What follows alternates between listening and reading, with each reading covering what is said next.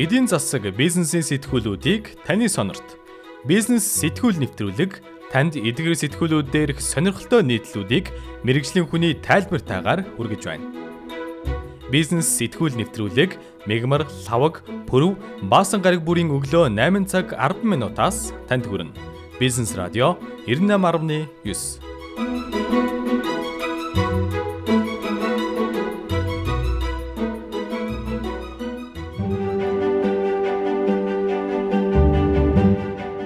Сонсогчдоо Бизнес радио 98.9 радио сэтгүүл нэвтрүүлгийнхаа ээлжид дугаарыг та бүхэнд хүргэж байна. Энэ удаагийн дугаараар маркетинг төдөө сэтгүүл дээр нийтлэгдсэн онцлог нийтлэлийг та бүхэнд хүргэх болно.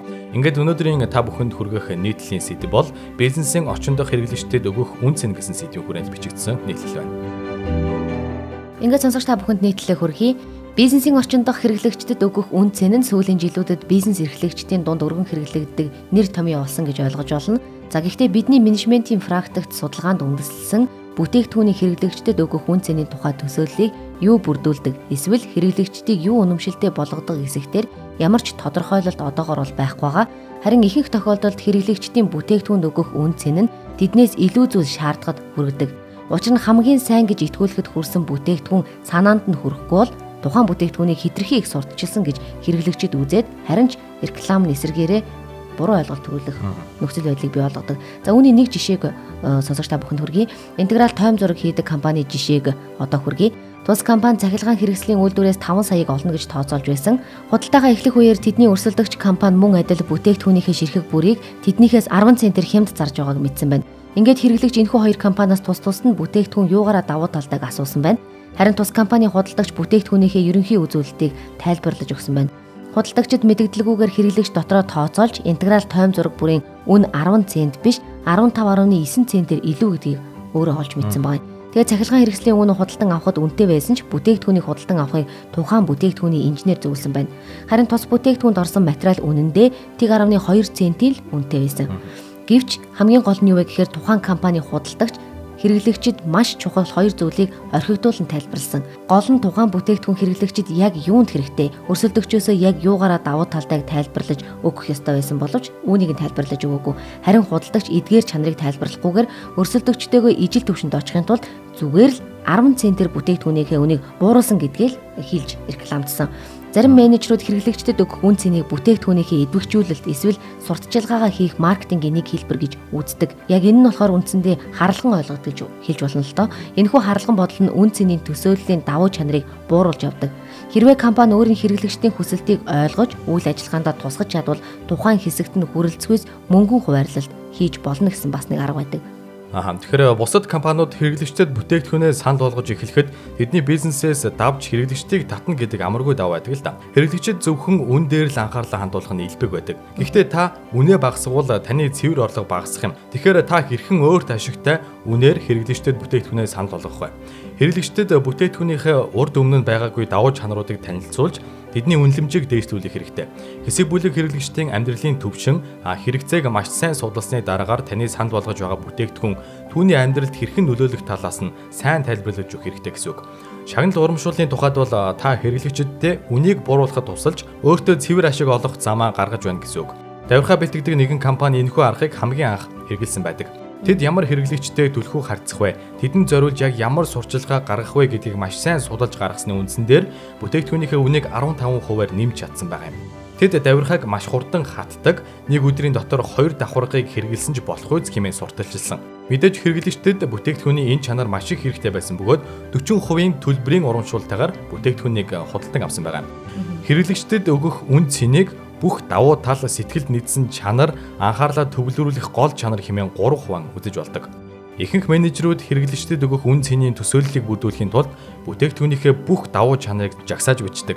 Олон сайн чанарыг илэрхийлэх э, тусам сайн энэ нь хэрэглэгчд болон өрсөлдөгчийнхөө тухай мэдээлэл цуглуулаагүй тохиолдолд хийдэг зүйл л дээ. Гэхдээ энэ арга нь давуу талын баталгаа хэмээх э, сул талыг үүсгэдэг.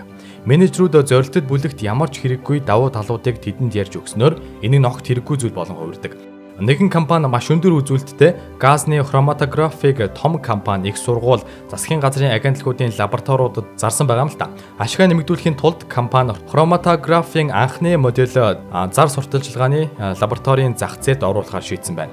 худалдагч хэрэглэгчтэйгээ уулзаад дээжийнхээ бүрэн бүтэн байдал тулгуурлан бүтээгдэхүүнээ сурталчилсан байна. Гэхдээ худалдан авагчдад тэр чухал биш байсан бөгөөд худалдагч хоосон буцаж хэрэглэгчийг хэрхэн өөртөө татах тухай дахин бодох хэрэг гарсан гэдэг. Харин хэрэглэгчдэд өгөх үн цэний төсөөллийг бүрдүүлэхийн тулд дараах зүйлийг ойлгох хэрэгтэй л дээ. Нэгдүгээр талаар хэрэглэгчийнхээ бизнесийг ойлго цаг хөдөлмөр гарган хэрэглэгжийнхээ бизнесийн онцлогийг харгалзан үзсний үндсэн дээр хэрэгцээг нь хангах хэрэгтэй. Өөрөөр хэлбэл тухайн хэрэглэгч үйлдвэрлэгч юу хүсэж байна вэ гэдгийг мэдсэний үндсэн дээр таны одоо бизнес ашигтай ажиллана гэсэн үг. За жишээ нь гэх юм бол Давирхааны үйлдвэрийн компани гол үйлдвэрлэгчдийн хэрэгцээг маш сайн ойлгосон. Менежерүүд өөрсдийн бүтээгдэхүүнийг хэрэглэснээр худалдан авагчийн ажил хэрхэн хөнгөрч чадахыг тайлбарлаж өгөхөөс гадна хэрэглэгчдэд туршиж үзэх боломжийг ч олгож чадсан. Түүнээс гадна бид таны мөнгийг хэмнэж чадна гэж хэлэхэд нь хэрэглэгчид тийм ч үн цэнтэй санагдахгүй байна. Энэ аргаар нөөцлөд харин тухайн үнийг төлж авсан бүтээгдэхүүн хэрэглэгчид яг ямар өөрчлөлт авчрахыг тайлбарлаж өгөх нь илүү чухал. Жишээ нь Rockwell автоматжуулалтын компани хүчин чадлыг нь бууруулсан бүтээгдэхүүнийхээ үнийг тооцож өрсөлдөгчөөсөө юугаараа илүү вэ гэдгийг хэрэглэгчдэд тайлбарлаж өгсөн байна л да. Тэд бүтээгдэхүүнийхээ цагт хэдэн киловатт зарцуулдаг, жилд хэдэн цагийн турш ажиллаж болох 1 киловатт цаг тутамд хэдэн доллар зарцуулдаг гэх мэт бүх үзүүлэлтийг нь тайлбарлан өгч хэрэглэгчээ татсан байна. Ингэж хэрэглэгчдэд өгсөн үнэт чанараа баталгаажуулах хэрэгтэй. Үүн дээр бас нэгэн жишээг дурдъя л да. Химийн үйлдвэрийн Акцо Нобель 2-7 хоногийн турш хүн томилж хэрэглэгчдийн чадамжийг судлуулсан байна. Түүний зорилго нь өндөр холцтой металл бүтээгдэхүүн дараагийн хагас дамжуулагч ялтас хийхэд тохиромжтой эсхийг судлахад орж байсан. Үүний ачаар Акцо Нобелийн бүтээгдэхүүн өрсөлдөгчийнхөөс хэд дахин сайн эрчим хүч болон зардлын үнийг бууруулах болж чадсан. Дараагийн нэг санах арга нь бас хэрэглэгчдэд өгөх үн цэний төсөөллийг бүрдүүлж байгаа менежерүүдэд сайжруулж шагнах арга. А энэ дээр бас нэгэн жишээг дурдвал Quaker Chemical компани менежерүүдэд зориулаад жил бүр сургалт зохион байгуулдаг байсан. Тэд хэрэглэгчдээс ярилцлага авч тэдний хэрэглээг судлан бүтээгдэхүүн үйлдвэрлэхэд нь тусалдаг байна. Ямар арга нь хэрэглэгчдэд өгөх үнэлэмжийг сайжруулдаг вэ гэхээр зах зээлээс хэрэглэгчдэд олгож байгаа бүх давуу чанарууд. За үүн дээр яагаад бид таны санал болгож байгаа бүтээгдэхүүнийг худалдаж авах хэрэгтэй вэ? Гэсэн чанар. За мөн зах зээлийн санал болгож байгаа сэтгэлд нийцсэн ялгархуйц чанарыг дурдах Ингэснээрээ яагаад бид өрсөлдөгчийн чинь бус таны бүтээгдэхүүнийг авах ёстой вэ гэдэг хэрэглэгчийн асуултанд хариулт нь гарч ирнэ. Ингээд мөн ирээдүйг урьдчилан харж хэрэглэгчдэд хэрэгтэй хамгийн сайн нэг эсвэл хоёр ялгааг нь дурдж өгнө. Ингэснээр хэрэглэгч яах вэ гэхээр таны бүтээгдэхүүний яг ямар зүйл нь бидний анхаарлыг татаад байгаа тухай тайлбарлахад илүү дөхөн болно гэсэн. Аа тэгэхээр сургалтын төгсгөлийн хэсэгт Quaker компани менежерүүдэд үйлчлүүлэгчээ татхуйц танилцуулга бэлтгэхэд 90 өдөр өгдөг. Захирал энэхүү танилцуулгыг шүүн ялагчийг тодруулах бөгөөд хамгийн сайн гэж үзсэн менежертэй сертификат өгдөг байгаа юм. Эдгээр нь Quaker-ийн хэрэглэгч бүрт жилийн 5-аас 6 сая доллар хэмнэхэд тусалдаг гэсэн үг. Эдгээр бизнесүүд үйлчлүүлэгчдэд өгөх үн цэний төсөөллийг гол тулгуураа болгож чадсанараа амжилт болсон юм л да. Үйлчлүүлэгчийн үнэлэмж бизнесээ удирдан явуулахад гол чиг болдог бөгөөд бизнесийн үзүүлэлтэд маш том давуу тал авчирдаг. Иймээс ахлах болон туслах менежерүүдэд маркетингийн удирдлага явуулахаас гадна хэрэглэгчтэй сонсож мэдэрч ажиллах нь нэн чухал гэдгийг дахин сануулъя гэж нийтлийн төгсгөлд бичсэн байна. Сонсогчдоо бизнес радио 98.9 радио сэтгүүл нэвтрүүлэг сонсогч та бүхэнд ээлжит дугаараа хүргэлээ. Манай өнөөдрийн дугаараар маркетинг today сэтгүүл дээр гарсан онцлог нийтлэл байла. Өнөөдрийн онцлог нийтлэл бол бизнесийн орчин дох хэрэглэгчдэд өгөх үн цэн гэсэн нийтлэлийг сонсогч та бүхэнд хүргэлээ. Дараагийн нэвтрүүлгээр иргэн уулзлаа. Баяртай.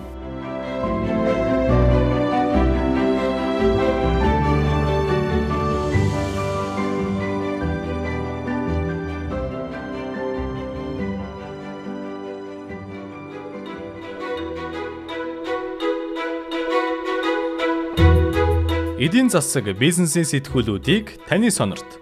Бизнес сэтгүүл нэвтрүүлэг танд эдгээр сэтгүүлүүд дээрх сонирхолтой нийтлүүдийг мэрэгжлийн хүний тайлбартаагаар хүргэж байна. Бизнес сэтгүүл нэвтрүүлэг мегмар, лавг, пөрөв, баасан гараг бүрийн өглөө 8 цаг 10 минутаас танд хүрнэ. Бизнес радио 98.9